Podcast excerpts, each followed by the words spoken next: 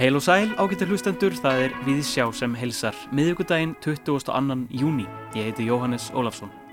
Og ég heiti Halla Harðardóttir, uppgjör við listaháttíð, Codex Serafinianus, Getnaður og Jazz verður á dagskrá Viðsjár í dag.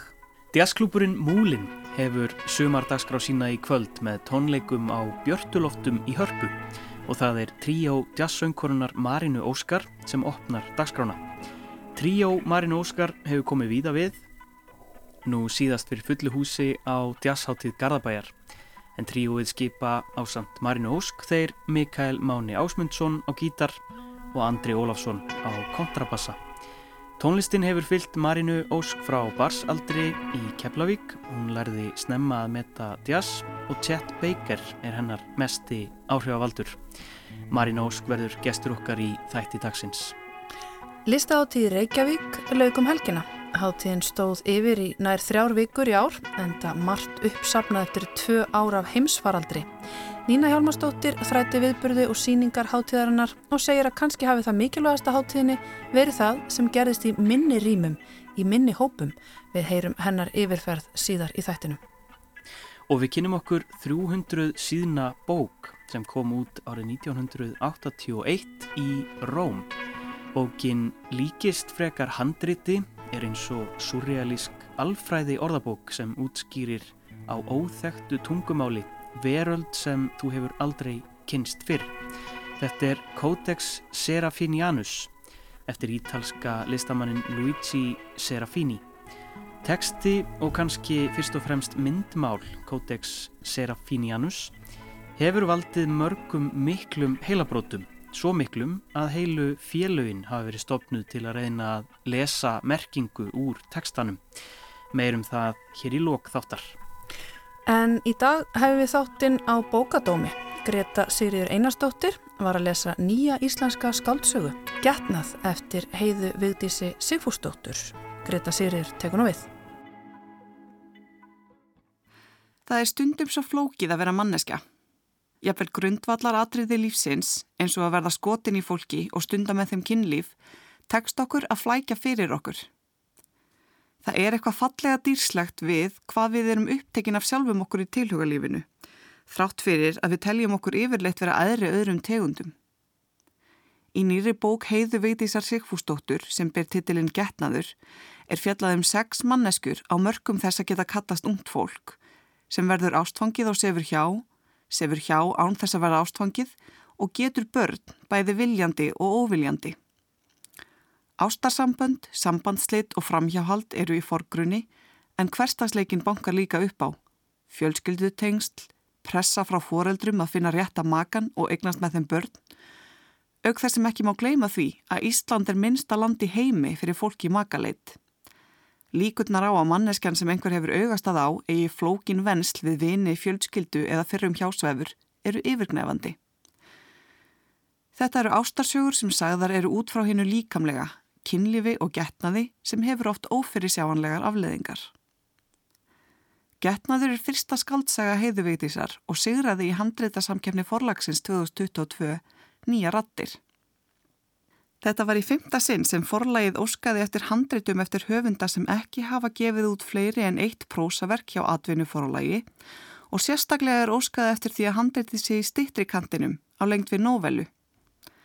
Frásögninni í getnaði er galsafull og kraftmikil þrátt fyrir að umfjöllunarefnið séu alvarlegir hlutir á borðið ófrjósemi, framhjáhald og fósturlát.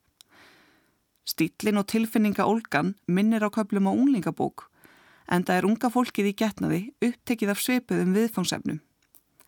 Munur reynar sá að í unglingabókum fá hormónafullir unglingar fyrsta bræðið af þeim æventýrum og háska sem fullorðinins lífið býður upp á, en í getnaði eru unglingarnir langt komnir á þrítusaldurinn og hafa frekar áhyggjur á fastegnakaupum og óskum fóröldra þeirra um barnabörn en unglingabólum. Það vil brenna við að unglingabækur séu ekki teknar jafn alvarlega og þær sem skrifaðar eru fyrir aðeins eldri einstaklinga og þess vegna tekið það fram að þetta er ekki sagt til að gera lítið úr bók heiðu. Þvert að móti ber ég mikla virðingu fyrir sagnalistinni og innlegninni sem nöðsynlega er til þess að segja sögu af berskölduðum tilfinningum. Í getnaði er þó farið yfir á hundavaði og söguna skortir einhverja þunga miðju sem heldur manni við efnið. Í káputeksta er sagan kölluð hispurslaus. Eins og við vitum öll þýðir það yfirleitt aðeins eitt, ber orðar kynlífslýsingar. Kynlífið er allskonar, allt frá ástfengnu fólki sem nýtur ásta yfir í ófullnægjandi kynlíf fólk sem er með hugan við eitthvað annað eða einhvern annan. Flestir stundar gagkinnhegt kynlíf, þó ekki allir, sumir innan viðbanda langtíma sambanda og aðrir eftir örstuðt kynni.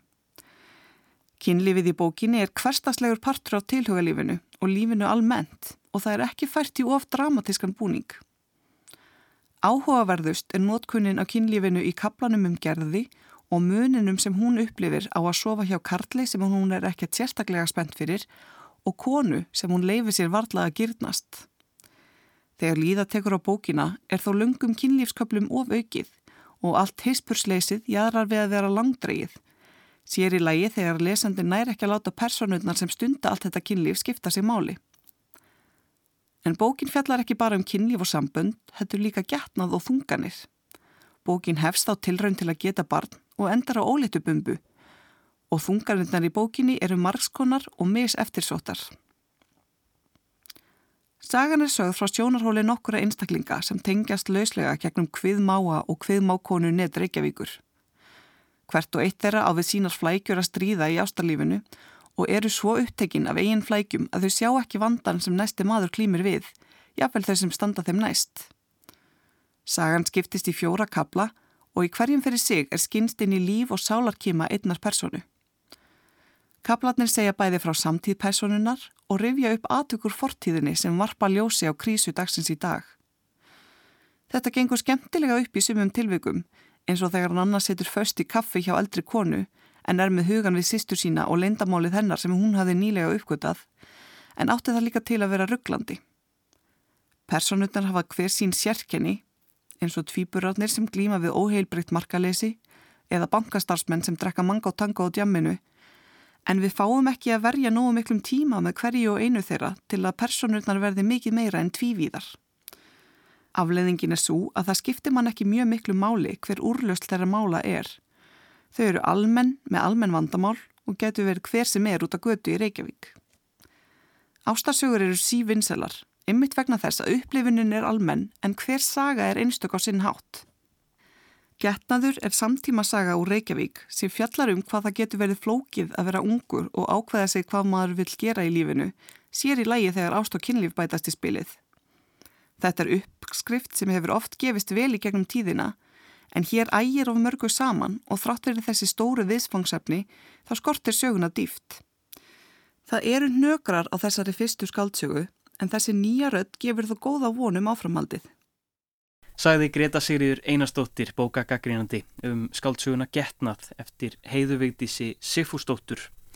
En úr bókmyndunum höldum við í tónlistina.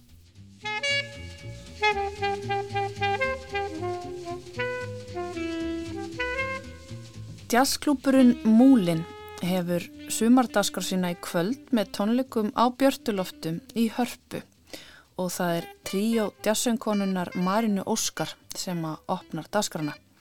Á efnisgrani verða hlýlegar brasilískar bossa nófur í anda H. Astrud Gilberto auk sígrætna íslenskara dægurlaga í sumarfötum eins og segir í tilkynningu. Tríó Marinu Óskar hefur komið víða við, nú síðast fyrir fullu húsi á jazzátið Garðabæjar en tríóði skipa ásand Marinu Þeir Mikael Máni Ásmundsson á gítar og Andri Ólarsson á kontrabassa. Marina Óskar hinga komin og hún ætlar að segja okkur frá þessum tónleikum en líka kannski frá sjálfrið sér og, og leiðin að jazzinu, með það ekki Marina? Heldur betur. Velkomin í Vísjá. Takk fyrir.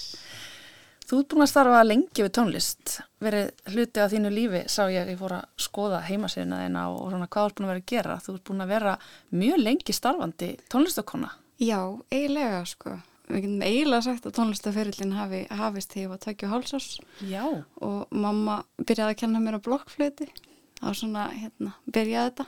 Já. og hérna og svo bara var ég í tónliskólinum í Keflavík ólust upp þar og, og þar líka fekk maður fullt að tækifærum til að koma fram sem var alveg ómyndanlegt og hérna gaman að segja frá því að hún hérna Karin Sturlaugsson sem var valin bæjarlistamæður Reykjanesbæjar núna á 17. júni og fekk fólkaorðuna hún svona hefur verið alltaf minn svona, hvað var að segja hún stutt mér ósað mikið í gegnum tíðina Mm -hmm.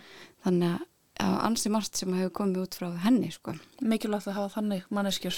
heldur betur sko ég var ekkert Mhm. smá glöð þegar hún fekk þessa fólkaorði og þannig sko en hérna, jú, búin að vera lengi að Já, og, og eina af þeim lánsöfnum sem getur starfað við þína ástræði bara Já. í fullu starfi.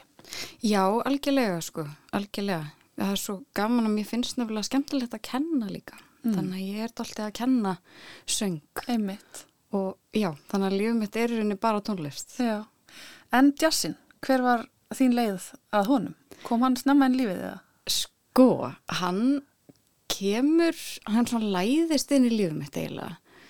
Af einhverjum ástæðu þótt mér alltaf ótrúlega gaman að hlusta á jazz og svona sveiflu big bands tónlist og alltaf svona, það gerist alltaf eitthvað í, í líkamann mínum þegar ég heiti það og enn og aftur Karin, hún stofnaði sér sagt hérna svona big band í Reykjanesbæ og hérna ég sér sagt kem inn í það band var sér þörflutuleikari og, og hérna var beðin um að læra á saxofón Mm. og kem þar inn í svona big band hérna hóp og þá í rauninni byrja bara minn jazz áhugi það spila við rauninni mest jazz Beðin um að læra saxofón bara. Já, vantaði saxofónleikara og þetta er svo svipað flautan og, og saxofónin sko Já. Og svo ferðu út að læra, bæði í Hollandi og Svíþjóð. Ertu þá að læra jazzsöng eða hvað? Já, í Amsterdam, þar sem ég lærði í konservatóriunni þar, uh, þar lærði ég bara jazzsöng Mm. og það var fjögur ára bakkalársnám rosa, rosalega skemmtilegt og frábær skóli og frábært nám og svo fór ég yfir til Stokkólms og fór þar í meistarnám í hérna konunglega tónlistaháskólanum þar. Mm og þar í rauninni var maður svona meira kannski að einblýna á svona áhuga sviðumanns, ekkert endilega söngin, þú veist, og hann hafi auðvitað verið uh, svona leiðandi, -hmm. þá svona, já, þú veist, lefði ég mér að, að grúska dalti í instrumental tónlist og var dalti að vinna með spuna og hérna svona, svona hefbundin sviplu það er svona, er mitt Þitt áhuga svið. mitt áhuga svið sko og litast allt inn á tónlistina sem ég sem og, og flytt. En svona fyrirmyndir þegar kemur að söngunum, hver eru þær? Ó, ok, það er alltaf stórt, þetta er stór spurning sko. Uh, sko, ég myndi segja að mín stærsta fyrirmynd bara í sko tónlist væri sko Chet Baker.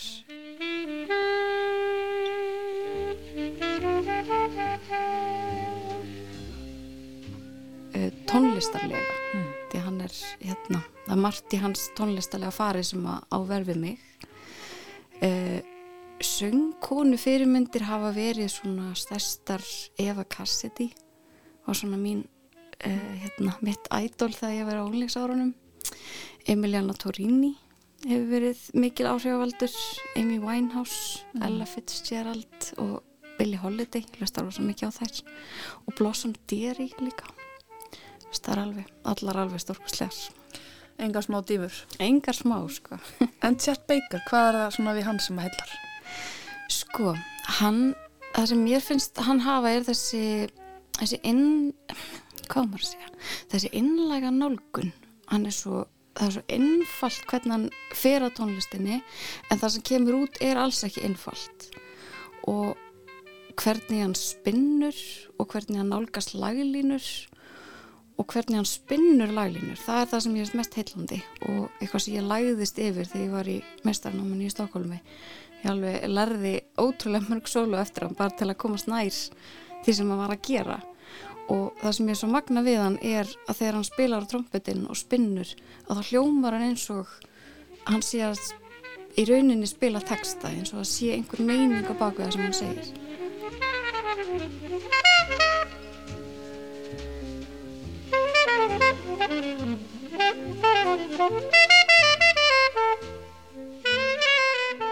og það er svona já, það er eitthvað sem að mér finnst svo magnað og ég svona hef leitast eftir í mínum spuna að svona segja sögur og nálgast það út frá bara söngnum, þú veist, eins og ef maður sé söngkonum mm -hmm. í rauninni. Mm -hmm. Emmitt, segðu mér frá soloplötunniðinni sem að kom út 2019, hún heitir Adkvarf og hlaut meðal annars tvær tilnefningar til íslensku tónlistaverlaunana. Segðu mér aðeins frá henni. Það var alltaf skemmtilegt. Um, hún sem sagt, kveikina þeirri blötu var til þegar ég var í Amsterdam að klára uh, bakalásnámið mitt og þá er ég svona farin að semja daldið, ég var svo sem alltaf samið en þarna var ég svona farin að opna á það að fara að semja meira. Og ég hérna var með rosalega fínan gítar, já svona Martin gítar sem er svona lítill og nettur og ég er fyrir ykkar smá gerð. Þannig að hérna með litla puta. Þannig að það hendaði vel. Og ég sagt e, tók upp á því að stilla gítarinn í svona opinni stillingu. Þannig að ég breytti stillingunni á strengjunum og úr var svona ofinn hljómur og þá bara gerðist eitthvað fyrir mig, þá komu fór að velta úr upp um mér einhver svona einhverja lagasmíða sem ég bjóst ekki við að ég ætti til. Og úr var svona hvað er að segja djaskotin sunga skálda tónlist í rauninni. Vindurinn streikur létt vanga minn og ég held hann sé og flytta sér.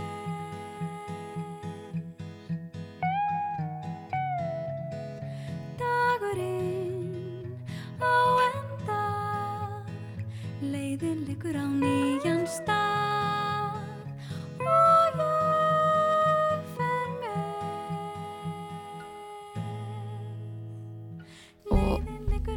þá kom þessi plata, hún er öll á íslensku og það má heyra mjög vel að það er það er jazz í hjartaru mm. á henni en hún er mjög svona akustísk og til að mynda fekk ég til þessu með tvo gítarleikara til að spila á þeirri plötu bæði Mikael Manna Ásmundsson sem hefur nú spilað með mér að mestu síðan að ég svona uh, fór að spila mikið ofnbeglega og svo Ásker Áskersson spilaði líka mm -hmm. á gítar Þú ert að vinna að plötu núna og stefnir á að gefa út þína aðra sóluplötu í haust, eða ekki? Stemmir. Já, segðu mér aðeins frá því verkefni. Það er, ég er mjög spenntur í þessu verkefni. Þetta er mín fyrsta sinnræktaða íslenska jazzplata. Þetta eru íslenskar og reyndar ennskar lagasmíðar eftir mig og þetta er alltaf svona í anda þessa gamla jazz sem ég er búin að vera að stúdira. Þannig að, og hérna... Já, kannski gaman að segja frá því ég er að sapna fyrir útgáfinni á karolínafönd.com og þar er hægt að næla sér í bæði gisladiska og vínirplötur og ég mæli með því að kíkja þanga inn ef maður vil svona fjárfesta fyrirfram, það er alltaf mælt með því. Þú ert búin að gefa út eitt lag ekki satt sem á að vera á þessari plötu? Jú, lagið einsemt, það kom út núna uh, 27. mæ og það er, er svona einmitt jaskoti lag á, á íslensku. Og svona já, einmitt kannski fyndi að segja frá því það er einmitt samið um gítarleikara hljómsveitarinnar sem spilar á, á laginu og á flötunni, hann Mikael Mána sem er kærastur minn. Um, og svona, já, við vorum í fjarsambandum tíma, við vorum sérst saman í Amsterdam að læra og kynntumst þar. Og hann var sérst ári og eftir mér og þegar að hann sérst sagt á eitt ár eftir þá ákvað ég að flytja til Íslands og vera þar í eitt ár og fekk vinnu í Reykjanesbæ, mínu gamla tónskóla og samti þetta lag um hann. Ég var svona, gati ekki sopnað og fannst eins og ég væri bara einn í heiminum. Og já, þannig að þeir sem að hlusta lagi geta kannski hirt svona hirt söknuðin Já Ég held að það sé bara viðegandi að enda þetta spjall okkar á þessu lægi en fyrst skulum við aðeins fá að heyra frá þér hvernig tónleikarnir verði kvöld. Já, herðu tónleikarnir í kvöld. Þetta verða svona sumar djastónleikar. E, múlin er ótrúlega skemmtilegu staður og björtu loft ásamleg. Á tónleikunum verða e, brasilískar bossanófur. E, ég hef alltaf verið að stútera portugalskuna á framburðin og elska þessa tónlist. Og hérna þar við verðum heyra eitthvað á því. Og svo verður eitthvað svona íslenskum e, dægurlögum og aldrei að vita nema eitthvað af nýju blötinu fá að heyrast. Eitthvað frumsandar dýrðir. Hljómar vel Marina og skaman að fá því hérna í heimsóttel okkar við sjá, við skulum enda þetta spjall á því að heyra þetta lag einsemt sem að þú spilaðir þú varst að sakna Mikael Smána gítalegarans í hljómsveitinniðinni og hérna og sem að verður á þessari nýju plötu sem þú ert að sapna fyrir. Já, heldur betur. Takk fyrir komuna. Takk fyrir mig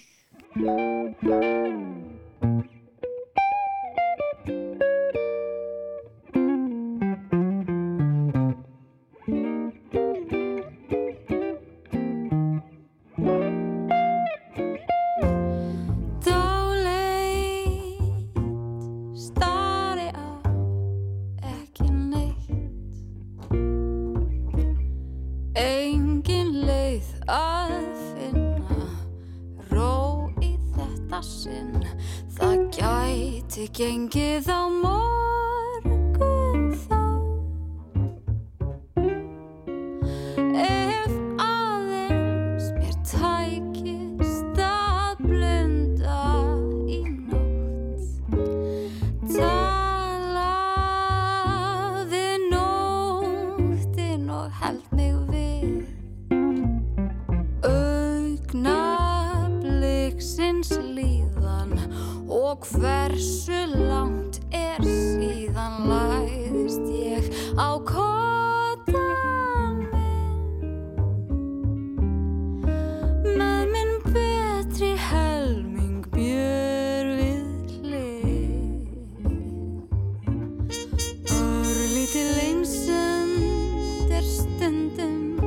talin nöðsynleg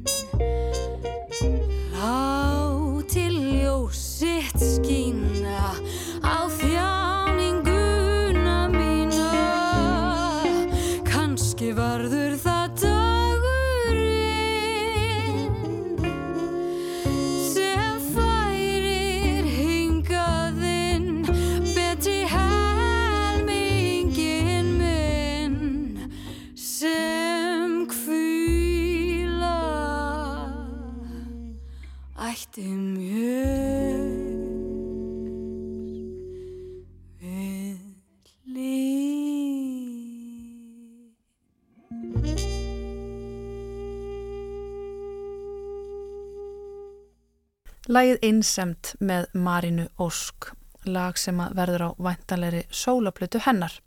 Marinu Ósk og Tríó opna Sumartjas Múlans á Björtuloftum í hörpu í kvöld. En þá er komið að uppgjöru við listahátt í Reykjavík. Nína Hjálmarsdóttir tekur nú við. Um helgina laug listaháttið í Reykjavík. Háttiðin stóð yfir í nær þrjár vikur enda margt uppsapnað eftir tvö ár af heimsfaraldri.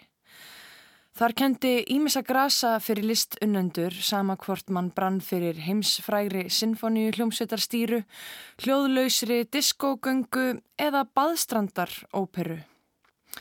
Stjórnendur háteðarinnar eiga mikið hrós skilið fyrir að fylla dagskrá sína jæmt með stórum leikendum úr alþjóða listasennunni sem og að hafa sviðsett rótæk verk sem annars myndu kannski aldrei sjást hér á landi.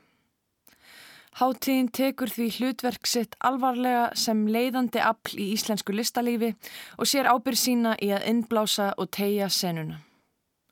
Þar má nefna stórkustlega síningu Hans Taylors Mack sem ég fjallaði um í síðasta pisli. En kannski var það mikilvægast á háttíðinni það sem gerðist í minni rýmum, í minni hópum. Klúpur listaháttíðar hefur fest sinn stað sem heimili fyrir græsrótina og í ár fengu hinnir ímsu hópar að taka stjórnina þar. Einn slík yfirtaka var í bóði REC Arts Reykjavík kollektífunar. Markmið hópsins er að auka fjölbreytileika og sínileika minnihlutahópa í sviðslista og listasinnu landsins. Þau stóðu fyrir vikulegri vinnusmiðju í þjóðleikuskjallaranum í vetur þar sem fólk hatt komið og verið með og verið örugur ími með öðru fólki sem fær oftast ekki mikið pláss á sviðum landsins. Dagskrá yfirtökunar samanstóð meðal annars af nokkrum pallborðs umræðum. Einn var um sínileika fólks af erlendum uppruna og blandaðra Íslendinga, önnur um sínileika fólks með föllun eða raskanir og svo þriðja um sínileika hins einn fólks. Trans Ísland stóð fyrir fataskipti markaði, það voru alls konar spennandi vinnusmiður og að sjálfsögðu var svo performanskvöld og parti. Viðbyrður sem þessi og kollektífan sem stóða baki honum sem heldur áfram að stækka sínir að það er mikið frambóð af fólki framið fyrir listasenu og stopnunum sem eru sögulega útilokandi gagvart öllum sem passa ekki inn í þröngan normkassan. En ég bendi áhuga sumum á að fylgja REC Arts á samfélagsmiðlum fyrir frekari upplýsingar. Einn viðbyrður hátegarinnar sem var bæði stórkostleg listrann upplifun og bauð upp á sínileika minnihlutahóps á Kaliberi sem ég veit ekki hvort að hafi áður sérst hér á landi var verkið Everybody Electric sem er samið af hópi dansara á samt austuríska danshöfundumnum Doris Úlich. Dansararnir eiga sameinlegt að vera fölluð eða hreyfi hömluð á einn eða annan hátt. Hjólastólarnir þeirra, bæði rafmagnaðir og órafmagnaðir, eru með á sviðinu og eru stundum framlenging líkamanna en um leið snúa flytindunir upp á merkingustólana á óvæntan hátt. Dansararnir horfa beint í augun og áhörendum á meðan hörð teknotónlistin dunar eins og við sem stödd á reyfi í Berlín. Með augnaráðinu afhjúpa þau okkur sem sitjandi erum, við sem erum ófölluð, verðum meðvituð um okkar fyrirfram gefnu hugmyndir. Hvað hugsum við þegar við sjáum fólk með svona líkama á sviði? Fattlað fólk talar oft um að ófattlað fólk, barnsvæði það, komi fram við þau eins og börn en ekki fullornar manneskjur sem hafi skýr, mörg og getu til að taka eigin ákvarðanir. En hér í þessu verki er ekki mögulegt að líta á dansaranna sem einhver viðkvæm blóm. Þau stjórna því hvernig þau eru séð og þau augra úrældum staðalýmyndum og spyrna á móti þeirri miðjun sem setur ákveðna líkama ofar öðrum. Teknotakturinn hefur lúmsk áhrif á hlustundur vegna þess að hann umbreytist hægt en stöðugt þannig að hann grýpur fólk án þess að það verði endilega vart við það. Kóreografía verksins hefur sömu dáleðandi áhrif. Hraða hreyfingarnar eru sífelt endurteknar en flæða þannig að þær heldtaka áhörandan. Personuleiki hvers flytjanda fekk líka að njóta sín í bæði sólósenum og hópsenum og voru mörg nittinn augnablík. Minnistæðastur var dansarin Adil Mbabi sem sjarmiraði áhörundur með sexi glotti þar sem hann þaut um sviðið og hrefði handlikina eins og vangi sem var auðan mund að takast á loft. Það er líka mikill unaður í þessu verki ekki endilega kynferðislegur þó að hann geti verið það, heldur svipaður, unaður og Audre Lorde talar um í sínum fræðum. Erotík sem feminin auðlind innra með öllum, farvegurinn sem leiðir að frelsun sjálfsins. Það er þessi erotík eða unaður eða gleði sem þau miðla á sviðinu hvort sem það er í senunni þar sem þau eru kviknakin að hrista líkama sína algjörlega afsakana laus eða í annari senu sem var áhrifamikil þegar tvær manneskjur dansa vangadans í þögn og ekkert heyrist nema hljóðið í rafmaks hjóla stólunum þeirra. Verkið hefur nefnilega mjög skýra dramaturgiska uppbyggingu með sterkum kontrastum og er stýrt af djúbu innsægi sem leifir áhörundum að dvelja í reyfingum eða augnaráðum eða þeirri góðu tilfinningu að vera afmiðjuð. Setna um kvöldi lág leið mín í Open Gallery út á Granda til að sjá performance tvíeikið Mikki Blanco og Samuel Acevedo en verkið ber nafnið Expat. Mikki tróð upp síðast á Æsland Airwaves árið 2013. Hún er heimsfræg fyrir punk, rock, hip-hop tónlist með beittum textum og hefur unnið með fólki eins og Blood Orange og Kanye West en sem dæmi hefur hún líka gert mögnu verk með hins eginn samfélögum utan hins vestræna heims eins og í Suður Afriku. Tónleikagjörningurinn sem þau viðnitnir buðu upp á í Open olli svo sannarlega ekki vonbröðum. Hann hófst á hljóðmynd af frettaflutningi af því hvernig íslensk stjórnvöld koma fram við fólk af erlendum uppruna og þá sérstaklega flóttafólk og muslima og beintengti þannig efni verksins við áhærendur og staðferði það. Mikki og Sam fluttu hvert grípandi lægið af öðru og þess að milli fóru þau með ljóð, reyndu að hrensa sig af íllum öblum, rokkuðu og morspittuðu, köstuðu vassmelunum í gólfið og lístu þau yfir að nú værum við maðraveldi í andstöðu við kvíta forræðishyggju sem er undirstaða hamfara hlínunar. Mikki punkaðist í áhörundum, hröfði okkur um rýmið og skipaði okkur fyrir og kallaði okkur ansi kurtesa íslenska áhörundur með áherslu á íslenska. Hún virtist vera máluð íslenska fánanum í framann sem sómdi sér vel með sviðsfatnaði hennar, kúrikastífilum og keðjum, glimmeri og fjöðurum á samt derhúfu og peysu með merkjum lauruglunar í New York sem hefur augljósa storkandi merkingu. Í einu læginu kyrjaði Mikki og endur tók setninguna Það var allt auðveldara þá eða It was a simpler time milli þess sem hún söng kunnuglegar pop-melodíur frá aldamótonum og kallaði að George Bush væri drullu sama um svart fólk. En það var ekki bara rock og augrun í bóði heldur, berskjölduðu þau sig á sviðinu og hleyftu áhröndum inn í sál sína sem var algjör forsenda fyrir því að sjarmira okkur líkt og þeim tókst að gera.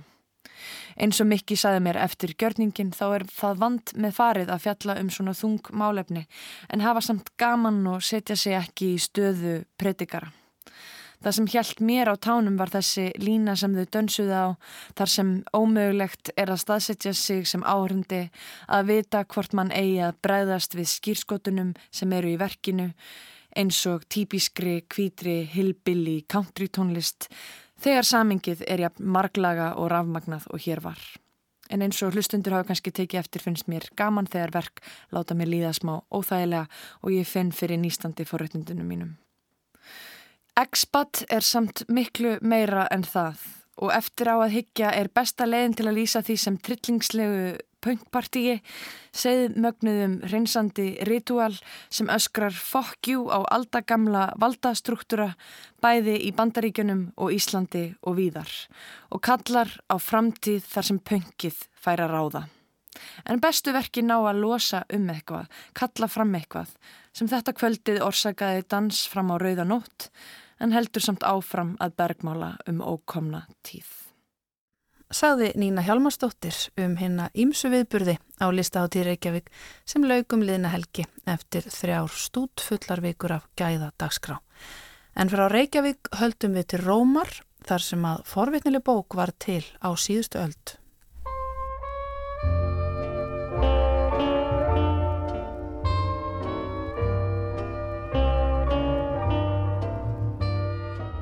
Menn með hamars höfuð fletta skinnið af beinagrind.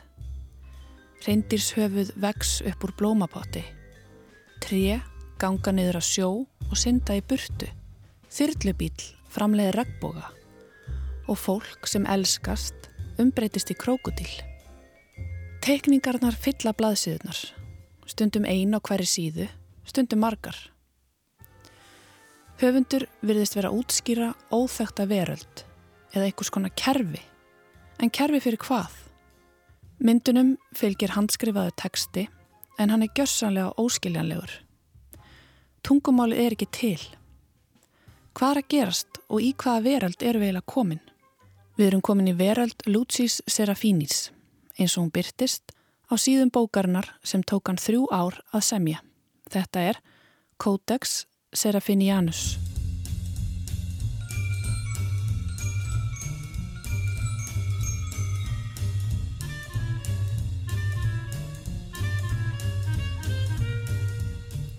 Sko þú veist þegar fólk kynnist og er með svona sögur eitthvað svona, já við kynntust í blómavala eitthvað þannig sem er miklu betri saga heldur en við kynntust að Tinder. Já ok, ég sérst kynntust þessar fólk ekki að Tinder en á internetinu. Pínlega eld að segja frá því. Uh, en ég sérst sáðum þessa mynd hér. Hún er af hesti sem er vennilegur hálfur, fremri hlutin er vennilegur hestur en setni hlutin er eitthvað ægsli á hjólum með, með svona eðalsteinum. Og ég fekk þess að mynda heilan og ég skildi ekki hvaðan hún kom. Eh, af því að bara frá að ég var lítil þá er eitthvað við sérst ógeð svona sérst, sérstaklega svona lífurænt ógeð og, og skartgrippi sem að hefur alltaf kveikt á einhverjum skrítnum perum með mínum haus Hér heyrðu við listakonuna Lóu Hjálmdísdóttur segja frá kynnum sínum af þessari stórfyrðulegu bók sem svo margir hafa fallið killiflatir fyrir, Codex Serafinianus. Þessi 300 síðuna bók sem líkist frekar handreiti er eins og súrealísk alfræði orðabók sem útskýrir á óþektu tungumáli veröld sem þú verður aldrei kynst fyrr.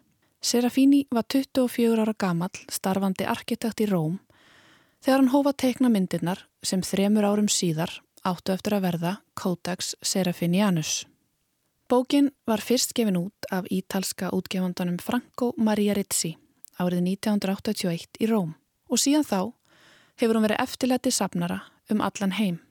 Auk þess að starfa sem arkitekt hefur Serafini einnig unnið sem grafiskur hönnuður og teiknari fyrir tímaritt og kvikmyndir og hann vann um tíma sem leikmyndahönnuður hjá Fellini. Í setni tíð hefur hann alfari snúið sér að myndlist og keramigerð og reykur í dag galleri í ítalskri sveitasælu, ekki langt frá Róm.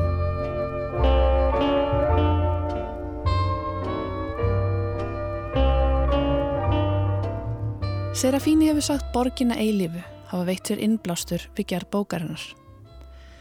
En hann hefur einni sagt þá gömlu góðu daga þegar hann satt sveittur við skrippborðið og teiknaði fyrðu heim í hálgeru trans ástandi dagana þegar Fellini og stjörnufylking hans ráfuð um stræti rómar án þess að festast í stórum hópa ferðamönnum með snjálfsíma í annari og ískaldan gelato í hinni vera löngu talda.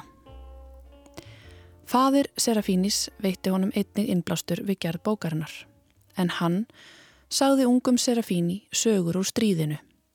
Sögur sem hrættu ungan drengin og sem átt eftir að renna óvænt undan penna hans mörgum árum síðar.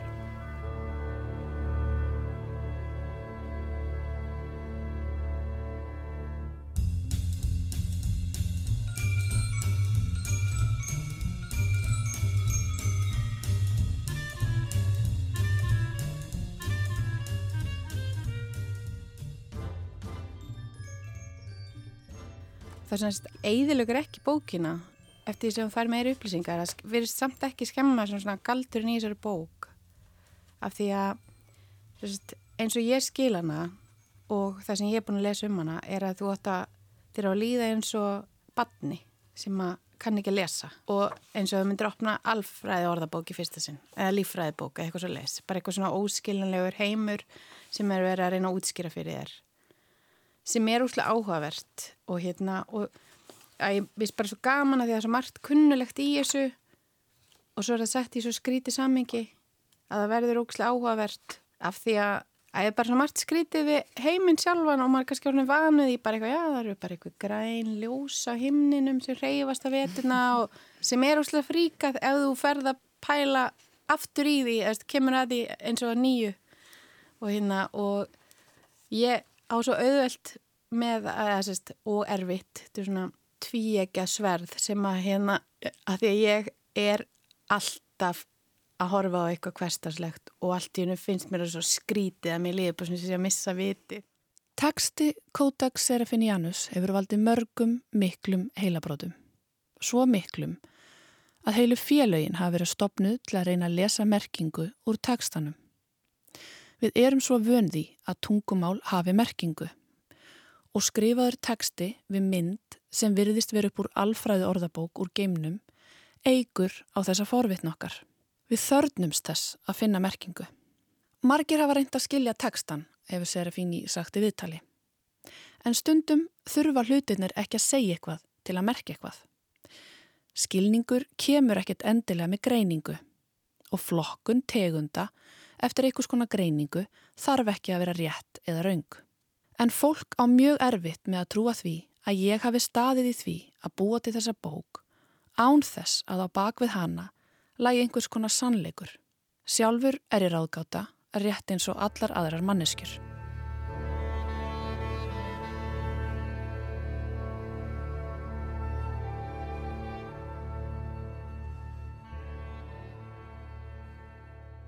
auðvitað vill fólk vita hvað fjandanum þetta þýðir allt saman. Ég meina gemverur að klæða beinagrindur í samansaumaða líkama, hestur sem er líka fyririldis-púpa á hjólum, Indjánar í bambusfiskabúningi. Venjulegur einstaklingur myndir rópa upp yfir sig What the fuck? Þetta er vissulega allt stórfjörðulegt en ef orð Luigi's Serafini eru virt þá er þetta allt fullkomlega merkingalöst. Getur við sætt okkur við það? Getur við bekjent að eitthvað svona undarlegt, framandlegt, undurfallegt en að samaskapi svo ókynlegt sé sett fram í algjöru merkingaleysi? hver væri þá tilgangurinn? Og er í alveru svona erfitt verið fólk að samþykja merkingaleysu? Og hvers vegna ætli það sé?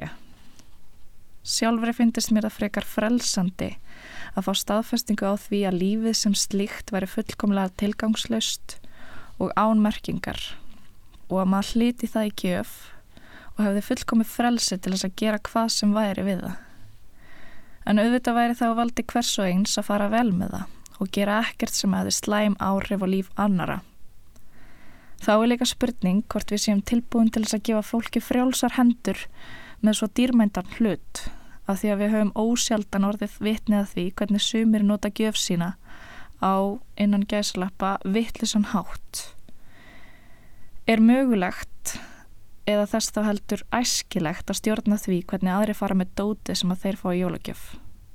Það eru fleiri en Lóa Hjálmtísdóttir sem hafa heitlast af Codex Serafinianus og þeirra á meðal er rítöfundurinn Jóhanna Marja Einarsdóttir sem las hér upp úr bóksinni Pínulítil Kenopsia varuð hérlinas krokodílar en hún kom út í fyrra. Tekstabróti sem Jóhanna las hér fyrir okkur eru tíunda kabla bókarinnar sem kallast einfallega Codex Serafinianus.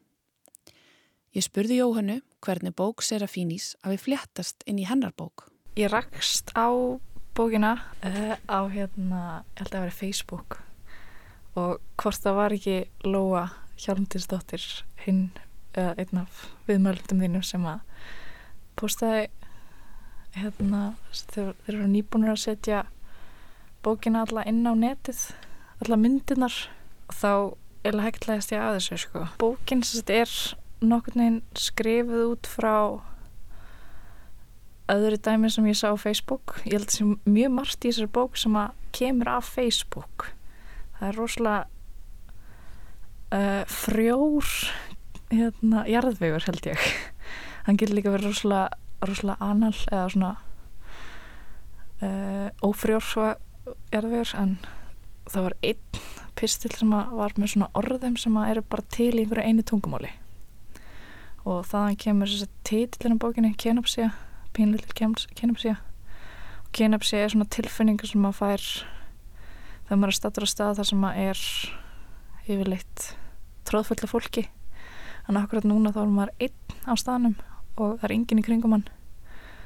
Og þetta er svona já, tilfinning svo fær þá kemur inn í kannski alveg tóma verslunum meðstöð svona fárlega tilfinning þetta er svona, svona einn með sjálfu þér inn í einhver svona sem ætti að vera samfélag en það er tómur staður og svona pínu kósi en pínu óþægilegt líka. Og það var svona uppáspunkturinn held ég á bókinni. Og svo koma líka alls konar kapla sem að tengjast bókinni meðal annars merkingaleisan í Codex Serafinianis og svo var líka annað sem hef, hefur aldrei verið fjallað um í Víðsjá. Það var japansku starffræðing sem heitir Mochizuki og það er svona fyrst mér að vera andstaðan við merkingaleysu Luigi's. En þessi starffræðingur hann sem sett gaf út hann uh, kokkaði upp svona einhvers svona sönnun eða starffræði jöfnu sem að í rauninni hann er eina manniskan í heiminum sem að skilur jöfnuna. Engin annar skilur þetta þessa nýju starffræðu ég veit ekki eins og þú veist hvaða orðið ég á að nota því. Ég er ekki starffræði ykkur sjálf. En hérna já. Að þú veist eins og Luigi þá er þeir eitthvað einir um að skilja sitt eigið verk og annað verkið á ekki að hafa neina merkingu og hitt verkið þess að ég starffræði sönnun jafna mm -hmm. á að hafa alla merkinguna.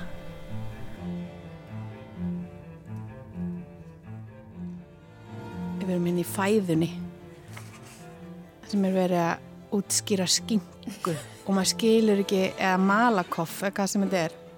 Þú skilur ekki hvort þeir eru að segja hvernig það vex eða hvort það sé eitthvað tæki sem maður býr til malakoffi þetta er bara svona, þú veist, að taka álegg og gera það einhverju svona annarlegum hlut. Það er alltaf hægt að finna eitthvað. Hérna, þetta er alveg fáranlega bók og hérna Ég mælu með því að dröstlinni frá einhverju landi eða borga ógæslu mikið fyrir að pantana allir Íslands.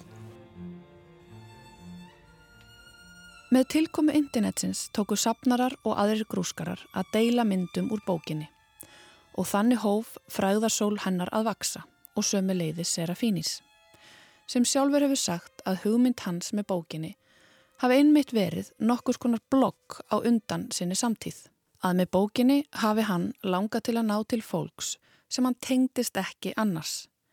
Til breyðari hóps en þess sem sótti listagalir í Rómar í upphafi nýjunda áratöðarins. Í stað þess að hengja myndirnar upp á vegg vild að ná til fleira fólks og á þeim tíma hafi útgáða bókar verið besta leiðin til þess.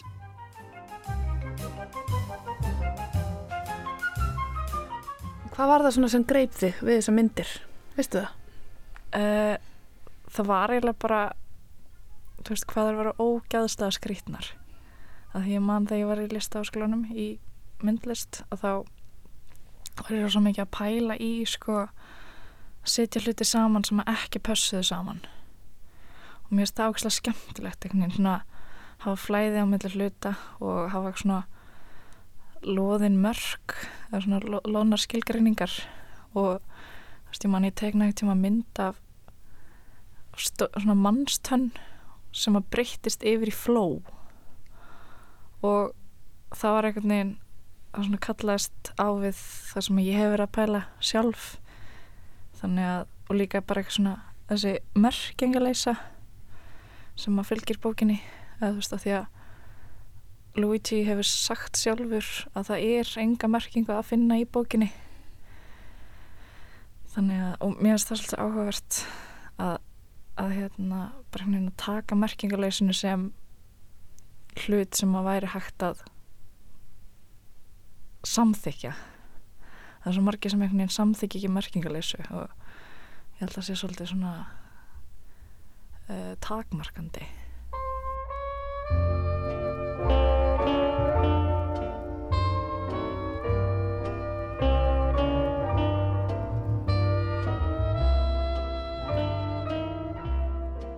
Já, það getur verið takmarkandi að samþykja ekki merkingarleysuna, sagði Jóhanna Maria Einarstóttir, en hún og Lóa Hjálmtíðsdóttir voru viðmælendur höllu í þessari umfjöllunum Codex Serafinianus. Þessi umfjöllun var áður á dagskrá hér í Víðsjá árið 2018, en okkur fannst við hæfið að grafa hann upp í dag.